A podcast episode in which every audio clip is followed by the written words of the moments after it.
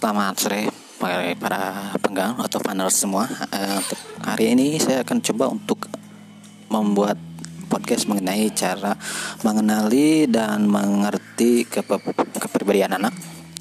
Kepribadian adalah sifat bawaan lahir yang dihadiahkan Tuhan pada manusia sejak mereka lahir.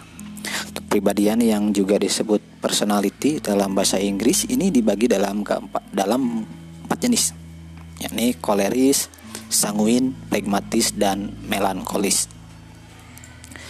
Sanguin selalu berapi-api dalam memulai hal baru. Tapi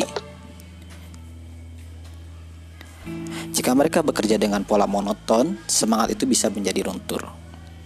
Koleris suka bicara belak-belakan dan tidak peduli dengan perasaan orang lain.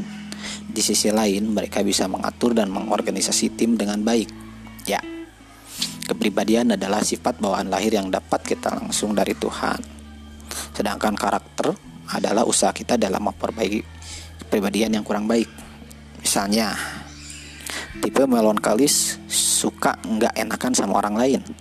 Mereka ingin mengatakan tidak, tapi takut menyakiti perasaan yang lain.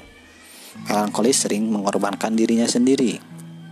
Melankolis tahu jika terlalu baik pada orang lain itu bukan hal yang baik mereka bisa terluka hanya dimanfaatkan atau dicari saat orang lain putus saja.